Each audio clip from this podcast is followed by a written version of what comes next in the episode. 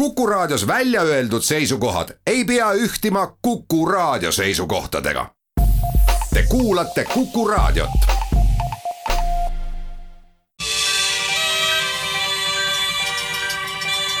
maatund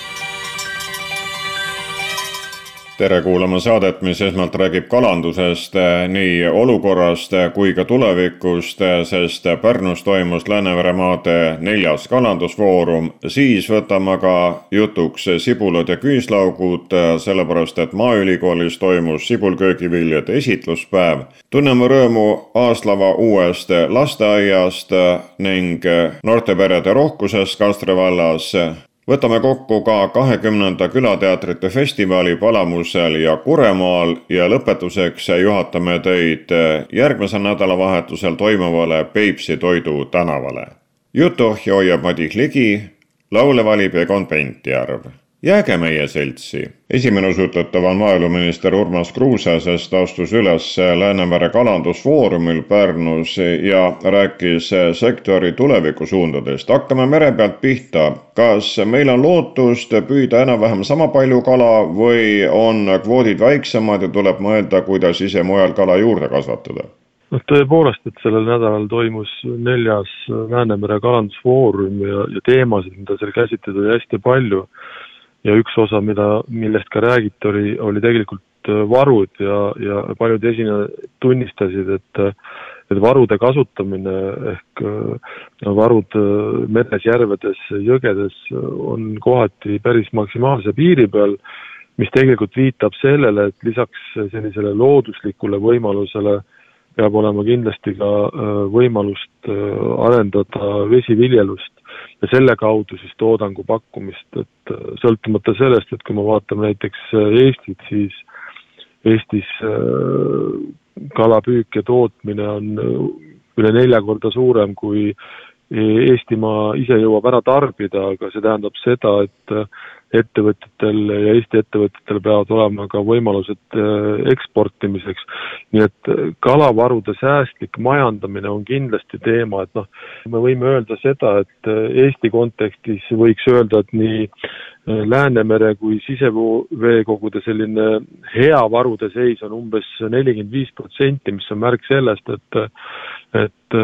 surve on piisavalt suur kuid üks on nüüd see, mille eest hoolitseb loodus ise, teine, millised on Eesti riigi tahtmised ja plaanid hakata meres siis vesiviljelust arendama ehk meie toidulauda ise oma käe läbi rikastama? no kindlasti, kui me räägime Maaeluministeeriumi vaatevinklist, siis äh, meie soov ja ka teatud toetusmeetmed selleks, et seda suunda arendada, on täiesti olemas. mis on alati nagu ka tasakaaluks vaja saavutada, on see, et äh, kas ja kuidas on siis kokku lepitud ja täidetud need võimalikud keskkonnanõuded, selleks, et ka Läänemeri püsiks puhas ja siin meil kindlasti veel teatud vaidlusi on, kuigi on ka ettevõtjad, kes on juba tegelikult soovinud seda teha ja, ja ka mõned soovivad, aga me oleme vaadanud puhtalt statistiliselt, et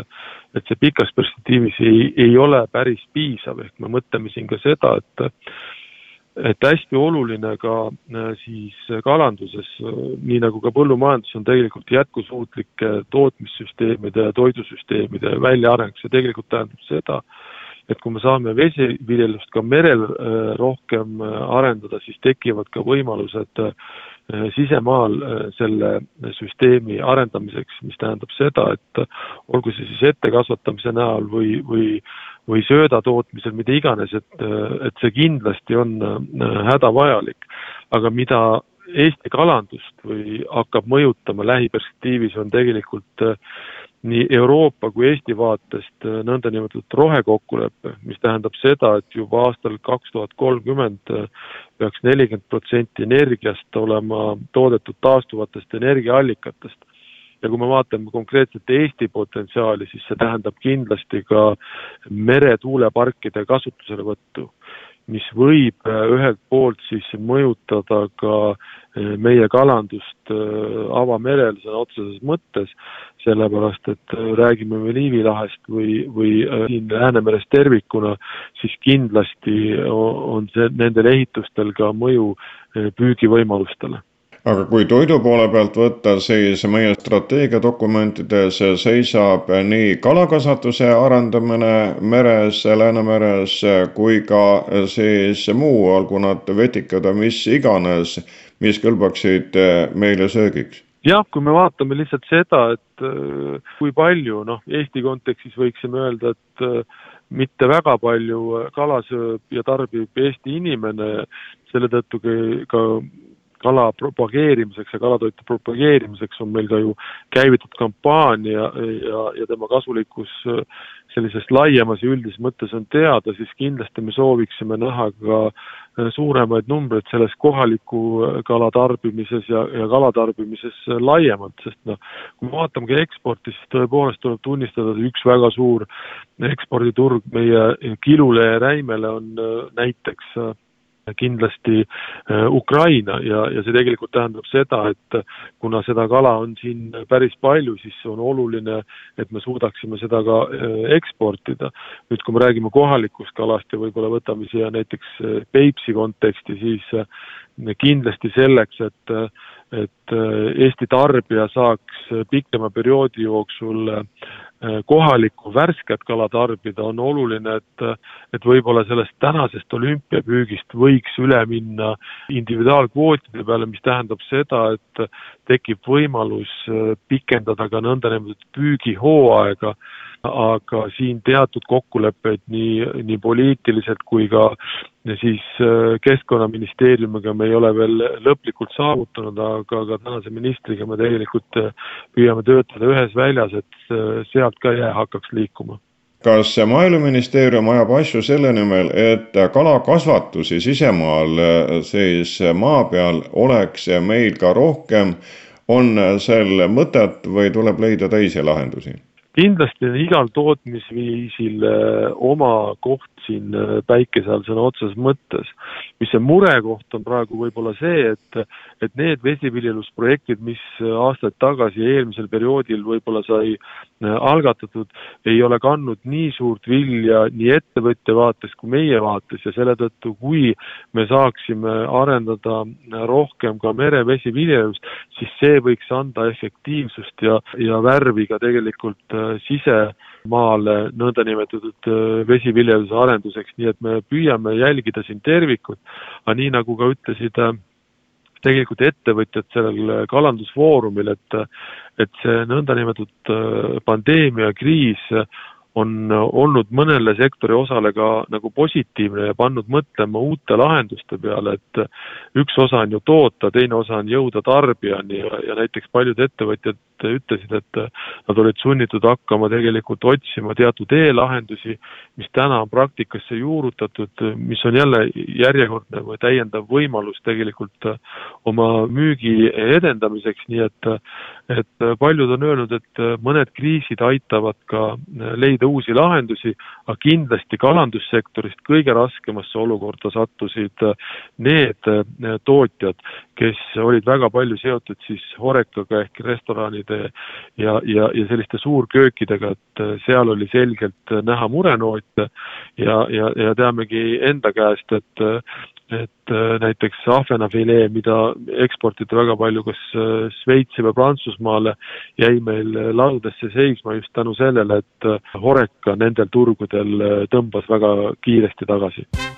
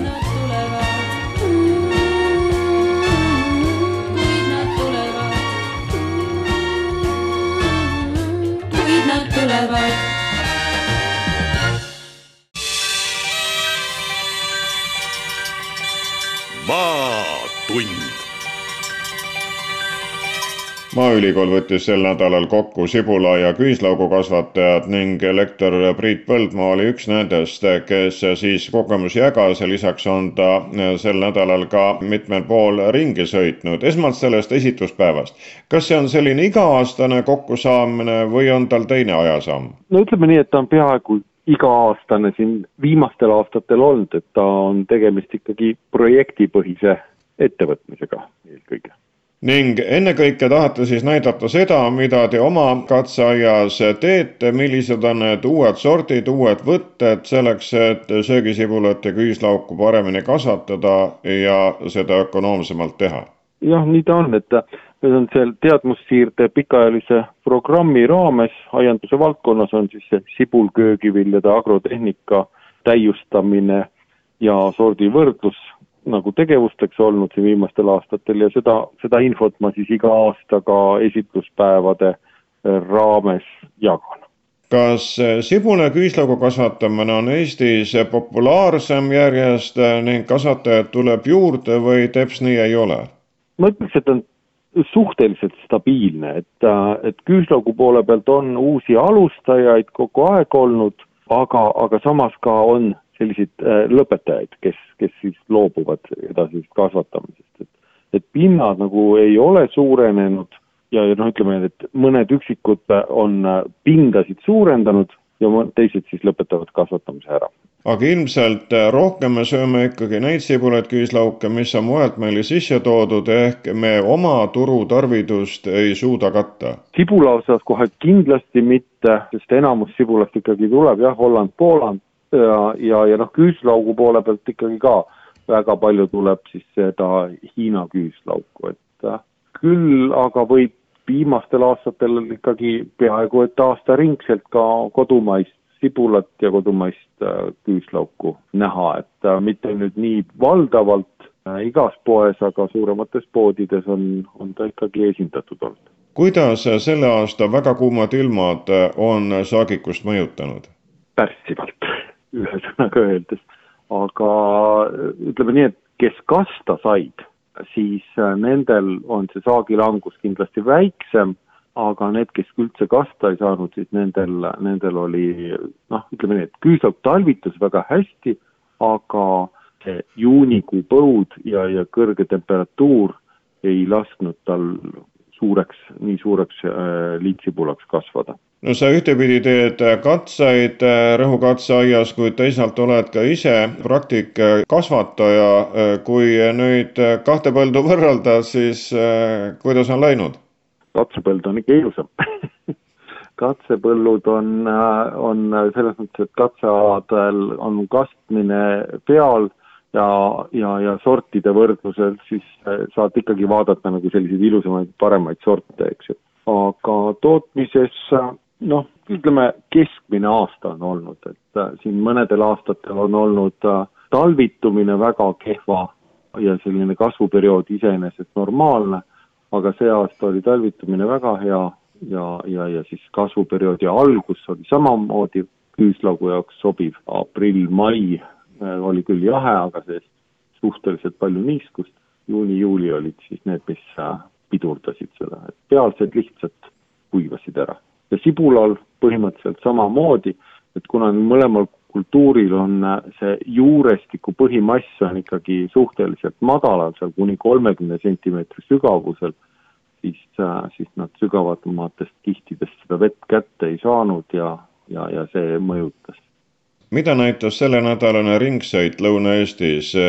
mida kasvatajad tõdevad praegu? valdavalt on vist rahul olnud, et nii, nii on mulle küll mulje jäänud, et samamoodi nii, nagu ma ütlesingi, et, et talvitumine oli enamasti hea ja, ja küüslaugu puhul oli ka noh, selline kasvamine suhteliselt hea, et mõned näitasid siin esitluspäeval tõi üks Saaremaa kasvataja mulle näha üle kahesaja grammiseid küüslaukusid, nii et äh, oli ka selliseid väga suuri. Nii et üldiselt äh, sibula ja küüslaugu poole pealt oli suhteliselt äh, normaalne aasta. Küüslauk on selline äh, kultuur, äh, mille auks isegi festivale korraldatakse, neljateistkümnes küüslaugu festival tuleb siis eeloleval reedel, kahekümnendal augustil Kuremaal. No sa oled aastast aastasse käinud ka nendel festivalidel, kas sedakorda oled seal kui teadlane või kui kasvataja või on mõlemad ametid ühes? no pigem, pigem nagu teadlane või konsulent ja, ja näitan äh, neid samu sorte, äh, sibula ja küüslaugu sorte ka seal festivali raames väikse näituse, näitusena üleval. lihtsalt tahan vaadata ka seda, et mida siis meie kasvatajad festivalile välja on toonud.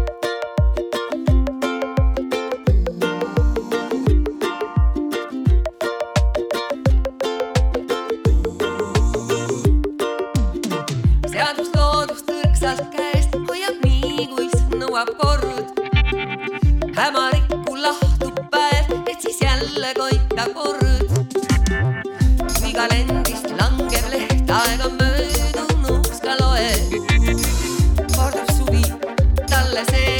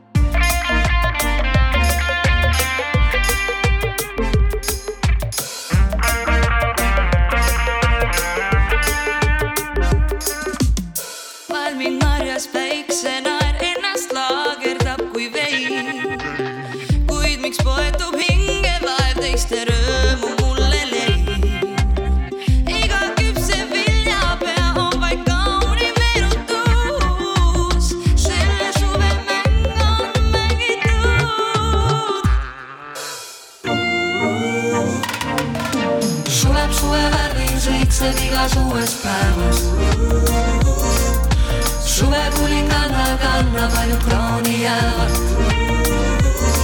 Epa taivasten mama Sube harta, saia gitua endaga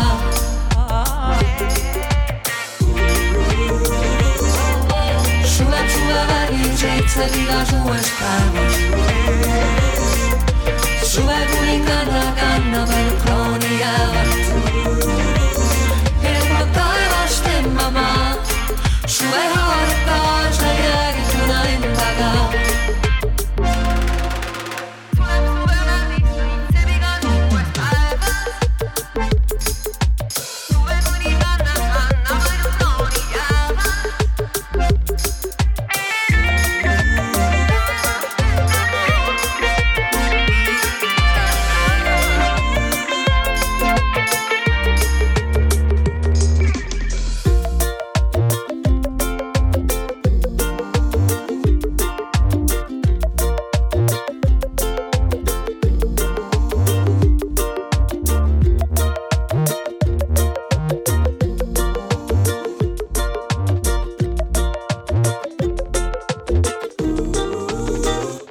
Kastre vallavanem Priit Lomp, kui suure lasteaia Aaslavale püsti panite?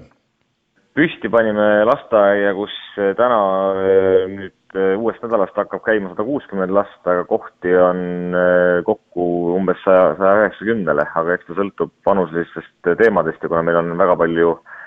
sõimeealisi lapsi, et siis need rühmad on ju natuke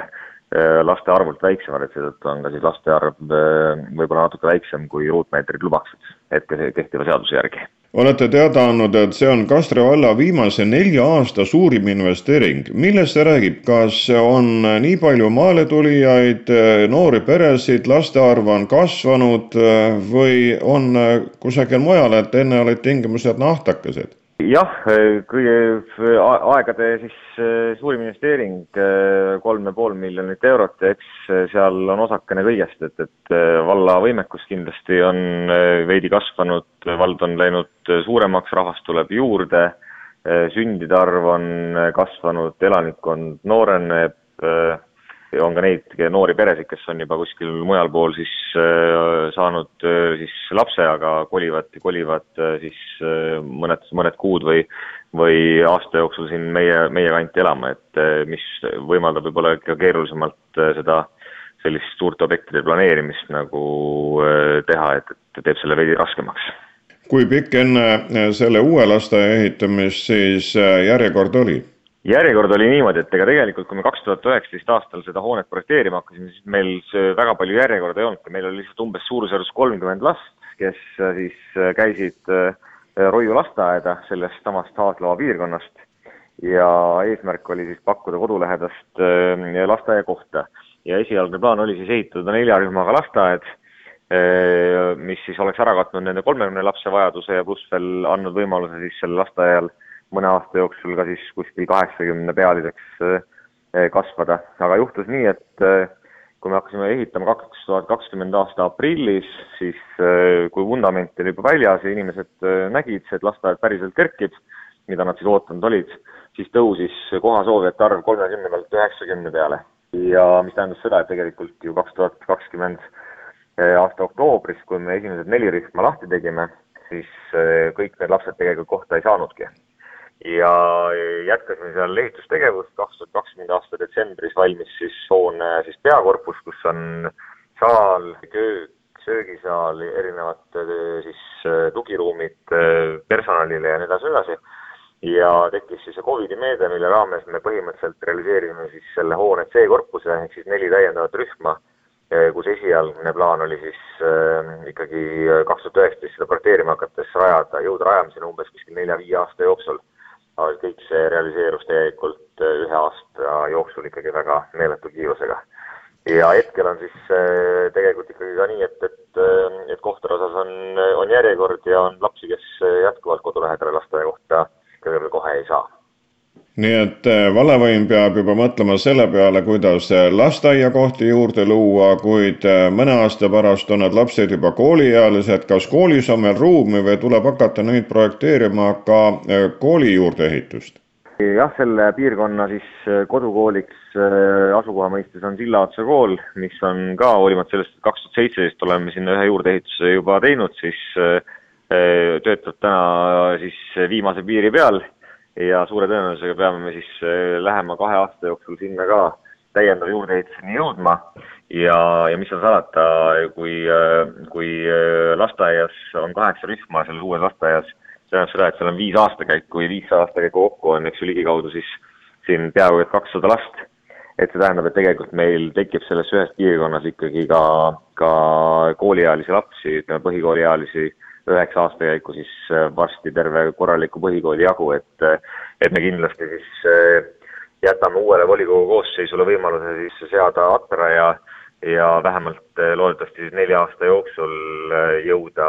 jõuda mingite märgiliste tegevusteni, et, et alates siis asukoha leidmisest, lõpetades hoone projekteerimiseni ja loodetavasti ka rahastuse leidmiseni, et uue koolihoone ehitamine on usutavasti veel kallim kui tegelikult uue lasteaia ehitamine Priit Lamp, kas need lapsevanemad, kes oma võsukesed toovad siis eh, teie uude lasteaeda või ka Sillaotsa kooli panevad lapsed,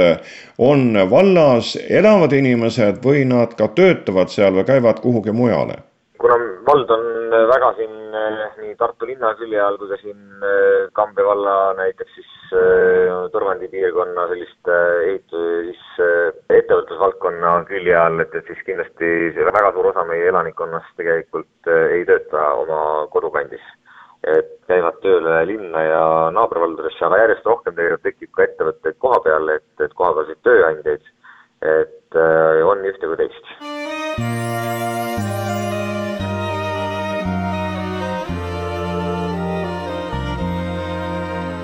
Väikse lapse rõõmu keegi võtta eal ei tohi.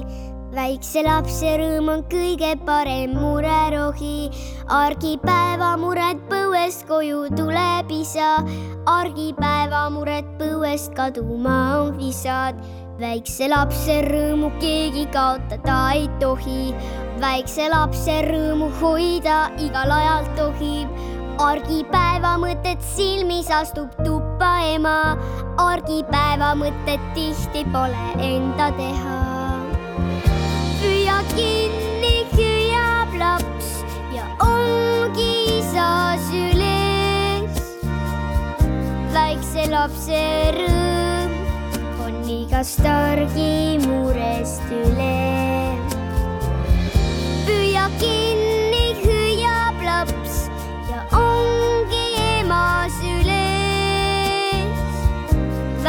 lapse rõõm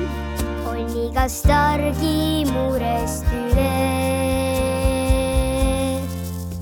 väikse lapse rõõmuga saad avastada ilma, väikse lapse rõõmuga sa muredest jääd ilma. argipäeva mured rivist tuleb vanaema, argipäeva mured pole lapse meelest kenad. väikse lapse rõõmul sees on imeline vägi, väikse lapse rõõmu igas kännus, igas käbis argipäeva mõtted peas ohkab vanaisa argipäeva mured tihti toovad murelisa. oled armas, hüüab laps, siis vanaema süles. väikse lapse rõõm on igast argi murest üle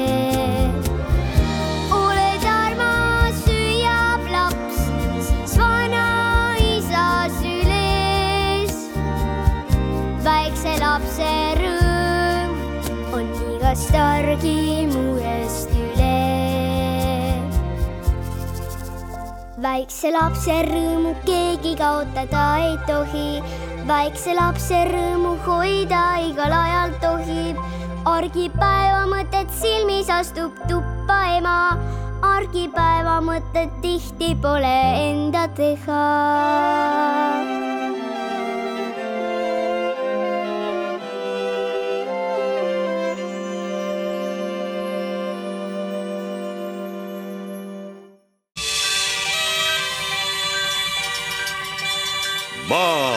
maatund. maatund jõuab nüüd juubilärini, sellepärast et kahekümnendat korda peeti Külateatrite festivali ja Arvustusteatrite Liidu juht Kristiina Oomer on meile sellest ka ülevaadet andmas. kahekümnes, see tähendab, et kõigele vaatamata olete suutnud traditsiooni hoida ja nüüd ka koroonatingimustes tahtis rahvas kokku tulla ja püüne peal näitemängu etendada. täpselt nii see oligi teatrile ikkagi kõige tähtsam on see kokkusaamine ja selles ühes ruumis viibimine, sest siis ju midagi sünnibki, sellist teatriime moodi, kus näitlejad on laval ja vaatajad on saalis. ja sellepärast oligi sellel aastal tunda nagu sellist, natukene nagu sellist erilist hõngu, mitte ainult sellepärast, et on juubel, vaid pigem see, et meil tõesti õnnestus see festival nagu ära korraldada, vaatasime kokku kolmekümmend nelja etendust kõik olid väga erinevad, meil olid võrratud mänguplatsid, Eesti Harrastusteater on minu arvates väga paindlik ja väga kiiresti on ta õppinud kohanema nendes tingimustes, milles ta ei ole harjunud mängima ja see tekitas nagu eriti rõõmu, et see tähendab seda, et me võime neid festivale absoluutselt igal pool korraldada kuid kuidas käisid vahepealsel ajal proovid, kui piirangud kõvasti peal olid? Zoomitada ju eriti näitemänguga ei saa, kui laulukoorid küll sedaviisi harjutasid, siis kuidas näiteringid? nii palju, kui me seal need, sellest nagu sellest olnud olukorrast ja nendest piirangutest rääkisime, siis ikkagi kõige rohkem kasutatigi Zoomi. no mingil hetkel siin kevadel ikkagi mindi ka õue harjutama aga paljud need lavastused ikkagi hakkasid ju valmima juba sügisel, et juba jõuti midagi sügisel teha, siis jõuti midagi seal korraks veebruaris teha. Ja, ja siis põhitöö läkski lahti ikkagi alates juunikuusest. et umbes selliste vahedega, et võib-olla sellel aastal ongi need lavastused valminud, ütleme need, mis olid nüüd tõesti kas esietendused või, või selle aastal valminud lavastused, et oligi väga harjumatult pikk see ettevalmistusaeg see-eest äh, seda suurem oli rõõm kokku tulla ja Palamusel ja Kuremaal ka rahva ette astuda. lasite ikka publiku ka saali või vaatasite omakeskis ja hindasite siis äh, teiste teed? ei, ikka, ikka lasime publikut ka niivõrd palju, kui, kui huvilisi oli, et kedagi me ju ukse taha ei jäta, et äh, meil on alati hea tava, kui me kusagil käime neid festivale korraldame, siis see festival on alati publikule tasuta ja, ja seetõttu ikkagi huvi oli kohalikel, isegi kohalikud imestasid, eriti seal Kuremaal, et et oo, milliseid suurepäraseid paiku ja kohti neil seal kohalikus kogukonnas on, millest neil ei olnud aimugi. lisaks nüüd näitlemisele te lasite ka siis mitmesugustel spetsialistidel hinnata ja mõtteid vahetada me olime nagu tekitanud siis neli sellist minižürii paari, kes siis vaatasid äh, kindla hulga lavastusi ja nendele lavastustele andsid nad tagasisidet ja nende lavastuste hulgast nad tõid ka esile nagu huvitavamad ja toredamad, äh, toredamad nii näitlejatööd kui ka siis äh, lavastused. ja seekord meid vaatasidki Elina Reinold ja Rait Avestik, Toomas Lõhmuste ja Lennart Peep, Anneli Saro ja Rainer Elhi ja Kaie Mihkelson ja Jaan Urvet. Tagasiside on alati nagu see kõige ikkagi magusam asi, et, et see on ka see, mis, mis on ikkagi tegijale tähtis, et sa ikkagi tahad ju teada äh, täpselt seda, et kas sinust aru saadakse ja kas sind mõistetakse ja see, mida sa tahad nagu öelda, kas see päriselt, päriselt inimesteni jõuab kuid loodetavasti ükski külateater ei ole oma pille nii-öelda kokku pannud sel ajal, vaid on ikkagi leitud endast tahtmist ja jõudu edasi teha. Ja kui seda nimekirja vaadata, siis nimi oli küll jah, kahekümnes külateatrite festival, kuid kui sõna-sõnalt võtta, siis kõik ei ole külateatrid, Tallinna ja Tartu omad ka, harrastusteatrid. No täpselt, täpselt. Seda küsitakse kõige rohkem meie käest, et mikspärast me nimetame seda külateatrit festivalis. kunagi, kui see festival sai alguse, siis tõesti öö, olid osalised rohkem nagu väikeste paikkondade teatrid. aga tänaseks päevaks on neid huvilisi lihtsalt nii palju tulnud ja jube kahju oleks kedagi ju kõrvale jätta. ja selle festivali nagu eriline eripära ongi see, et absoluutselt kõik, kes tahavad, kõik saavad nagu tulla. et me ei sea mingisuguseid kitsendusi ega, ega piiranguid et äh, pigem mina vastaks selle peale, et miks selle nimi on Külateatrite festival, et see nimetus pigem tuleb sellest, et me ei ole veel kunagi korraldanud seda festivali üheski linnas. et me olemegi käinud sellistes väiksemates kohtades, avastanud seal suurepäraseid mängukohti, hästi toredaid koostööpartnereid et nii on. külateatrid on käinud külakorda. täpselt, see on väga hea võrdlus. oluline ongi eh, tahta midagi teha eh, ning tunda sellest ise rõõmu, seda rõõmu teistega jagada ning küllap eh, nüüd, kui sügishooaeg käima läheb, saavad teatrid ka enam rahva ette tulla, et näidata seda, mida nad õppinud on täpselt, see ongi kõige suurem rõõm ikkagi jagada seda, mida teatrirahvas on mõelnud, jagada seda siis nendele, kes, kes neid on vaatama tulnud. see on kõige tähtsam ja kõige suurem kingitus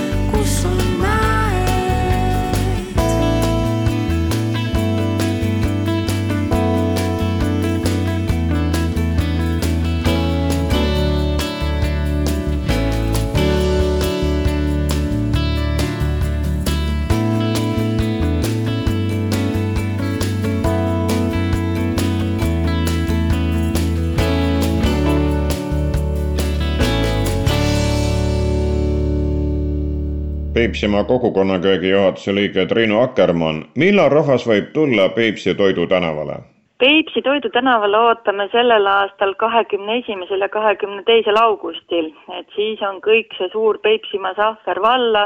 ootab külastajaid ja ootab tühjasid kõhte, sest et ütlen ausalt, et menüüd on mitmekesised ja tuleks juba hakata valmistuma, et oleks kõhus ruumi. kui palju on neid toidupakkumise kohti, söögi- ja müügikohti siis Vasknarva ja Setomaa vahel, mis moodustavad selle Peipsi toidutänava? selle aasta Peipsi Toidu tänaval on meil nelikümmend kolm kohta, kust saab kõike head ja paremat ja me ise oleme väga rahul, sellepärast et äh, alati öeldakse, et teineteist leitakse üles, nii et kõik need kohad, kes sellel aastal siin kaardil on, et äh, nemad on meid leidnud, meie neid leidnud, nii et täpselt selline arv peabki siis olema. Meil on väga lihtne, meil on, võivad kõik äh, pakkuda oma kaupa, aga üks väike tingimus või noh, ütleme see tegelikult ju ei ole väike, see ongi see põhituum, kui me võtame festivali nime ehk siis Peipsi toidu, et me ootame ikkagi siis alati pakkuma Peipsi toorainest, Peipsi toidu võtmes äh, roogasid ja alati võib tulla ka kaugemalt. Külla, meile näiteks sellel aastal on tulemas Valgamaalt kitsekasvatajate pere kes teevad oma toodangust siis pop-up restorani, on tulemas Umamekk, kes kasutab nii siis äh, Peipsi-äärset toorainet, kui võtab ikkagi kaasa külakostiks ka Umamekist asju,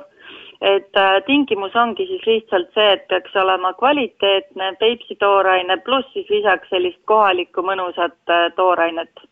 nii et ennekõike kala, sibulad ja muu taoline, mis järveäärsele piirkonnale oma on olnud ja külaliste toidud sinna juurde, nii saamegi selle menüü kokku sel aastal. Jaa, et äh, vaatasin just ka menüüsid üle siin vahetult enne, et äh, on hästi palju kala ja mis teeb rõõmu, äh, et ei ole lihtsalt mitte kala, vaid on erinevad Peipsi kalad, ehk siis meil on kiisk, koha, ahven, haug, luts, rääbis, tint et kujutage ette, et kõike seda saab äh, proovida, aga lisaks on siis äh, lauale leidnud ka kindla koha näiteks kitseliha, kitsepiimatooted, vutt, sokuliha on meil sellel aastal, lammast, veist, küülikut, kõiki neid metsaseeni, mis metsas on, marju, ehk siis see Peipsi toit on ikkagi laiemas mõttes mitte ainult siis sibul ja kala, vaid ikkagi kõik see hea tooraine, mis meie metsades ja, ja põldudel saadaval on ja kõik need, mida need inimesed siis ise nagu lauale panevad, et et ma arvan, et siin leiavad väga mitmekesised road nii-öelda tee siis külastajate kõhtu, et valikupuudust ei tohiks olla Triinu, mida varasemad aastad on näidanud, kui nüüd hommikul näiteks Astnarvast tulema hakata ja seal äh, süüa hommikusööki, siis kas järgmise päeva õhtuks jõuab poole peale, kui lihtsalt külastada ja toituda nagu tavaliselt kolm korda päevas? no ütleme niimoodi, et ega need, kes tulevad Peipsi Toidu tänavale osa nii-öelda osa võtma, siis minu arust nendel on väga eriline omadus, nemad suudavad süüa heas mõttes palju ja meile see meeldib. et nad tulevadki nautima siia erinevaid toite ja, ja me oleme ka portsides arvestanud niimoodi, et saab ka jagada perekonniti, saab proovida erinevaid maitseid, et et kindlasti ei ole see nüüd selline söömismaraton, kus tuleks stardipunktilt kiiresti hakata edasi minema, pigem kulgeda, teha vahepeal peatusi kultuuri teel nii-öelda vaadata, mis on ja tulla jälle tagasi, et seepärast ka see festival on kahepäevane ja esimene päev on väga pikk, on õhtu kella üheksani kõik kohad lahti, nii et et kindlasti jagub seda avastamisrõõmu ja rahulikkust, et, et ei tasu tormata. Kuid eh, mida panete tulijatele südamele, kes siis tuleb Peipsi Toidu tänavale järgmisel laupäeval või pühapäeval, millega nad tingimata peavad arvestama? Nad peavad arvestama sellega, et eh, nad ise on terved, et iga inimene tunnetab ära ka selle, et tema tervis on korras, kui on haiged inimesed, eh, sellel korral jäävad koju. Tuleks kindlasti ilmastikutingimustega arvestada, sest et meil on peamiselt kõik kohad on välirestoranid ja jälgime siis seatud norme külastajate arvu osas, nii et äh, Covid-19 seonduvat tõendeid kontrollitakse kogu marsruudi peale paaris kohas, kus on ainult seestegevused ja kus ületab siis selle piirarvu, nii et äh, ootame terveid külalisi, kes siis ise käituvad vastutustundlikult ja ka meie oleme vastutustundlikud kes tahab aga kodutööd teha, siis äh, milline lehekülg tuleks lahti lüüa, et vaadata, millisesse restorani äh, siis äh, oma mõtted seada? meil on kenasti üleval Google Maps'is kaart, mille leiab nii viidetena Facebookist Peipsi Toidu tänava Facebooki lehtedelt kui ka siis näiteks, kes ei kasuta Facebooki, siis Puhka Eestis leht või Kultuuriaken Tartus. Ja tuleb ka Navikapi äpp mobiilidesse, nii et saab jälgida. Ja me oleme sellised klassikalised vanamoodsad, et meil tuleb ikkagi selline pop-up kohtadega kaart ka, nii et kui te juba esimese koha leiate üles sellel marsruudil, siis seal antakse teile saabumise päeval, siis antakse see paberkaart kätte ja saate kenasti ka selle järgi orienteeruda. no Viidad on ka ju tee ääres jaa, Viidad on tee ääres ja ma arvan, et kui seal küsida kohalikelt, et kus siin see Peipsi toidu tänava kohtmine asub, et hätta ei jää ja alati võib korraldajatele ka helistada, et see number on ka kindlasti leitav, nii et jagame kõike rõõmuga, nii oma toitu, saadusi kui ka informatsiooni kallid kuulajad, selle ettevaatega saab läbi ka Maatund, mis rääkis kalandusest Läänemere kalandusfoorumi taustal, milline on olukord ja milline on tulevik. selle võttis kokku minister Urmas Kruuse sibulatest ja küüslaukudest ning esituspäevast ja teadlaste abist kasvatajatele rääkisin Maaülikooli lektori Priit Põldmaga Aaslava uuest lasteaiast ning äh, noortest peredest äh, ja kooli laiendamisest äh, Kastra vallavanema Priit Lombiga. kuidas läks kahekümnes külateatrite festival Palamusel ja Kuremaal, seda saime teada Arvustusteatrite Liidu tegevjuhi Kristiina Oomeri käest ning kutset eeloleval nädalavahetusel toimuvale Peipsi Toidu tänavale võimendas Peipsimaa kogukonnaköögi eestvedaja Triinu Akkermann Neid usutles Madis Ligi, laulud valis saatesse Egon Pentjärv. aitäh kuulamast, olge töökad ja terved ja puhake hästi.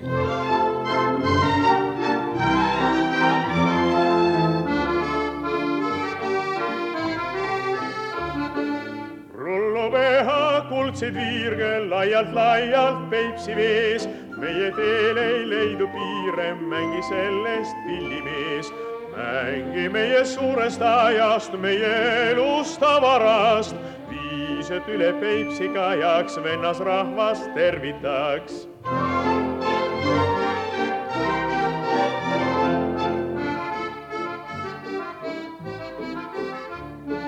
mängib kauneid rahvaviise, pillimees me meele hääks, hakkab kaasa laulma ise, et see laul meil meelde jääks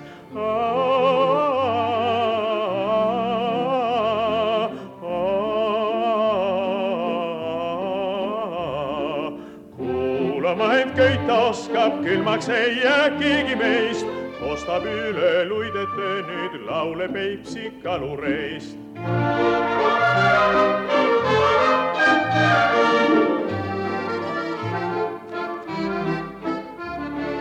laul, kui saanud oleks tiivad, tunned elada on hea. kohtuvad siin rannaliival armastajad meie seast.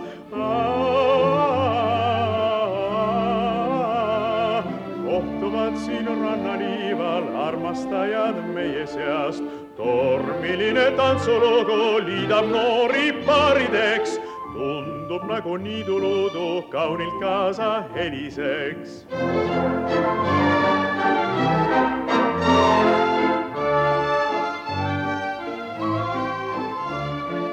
tundub nagu niiduluudu kaunilt kaasa heliseks.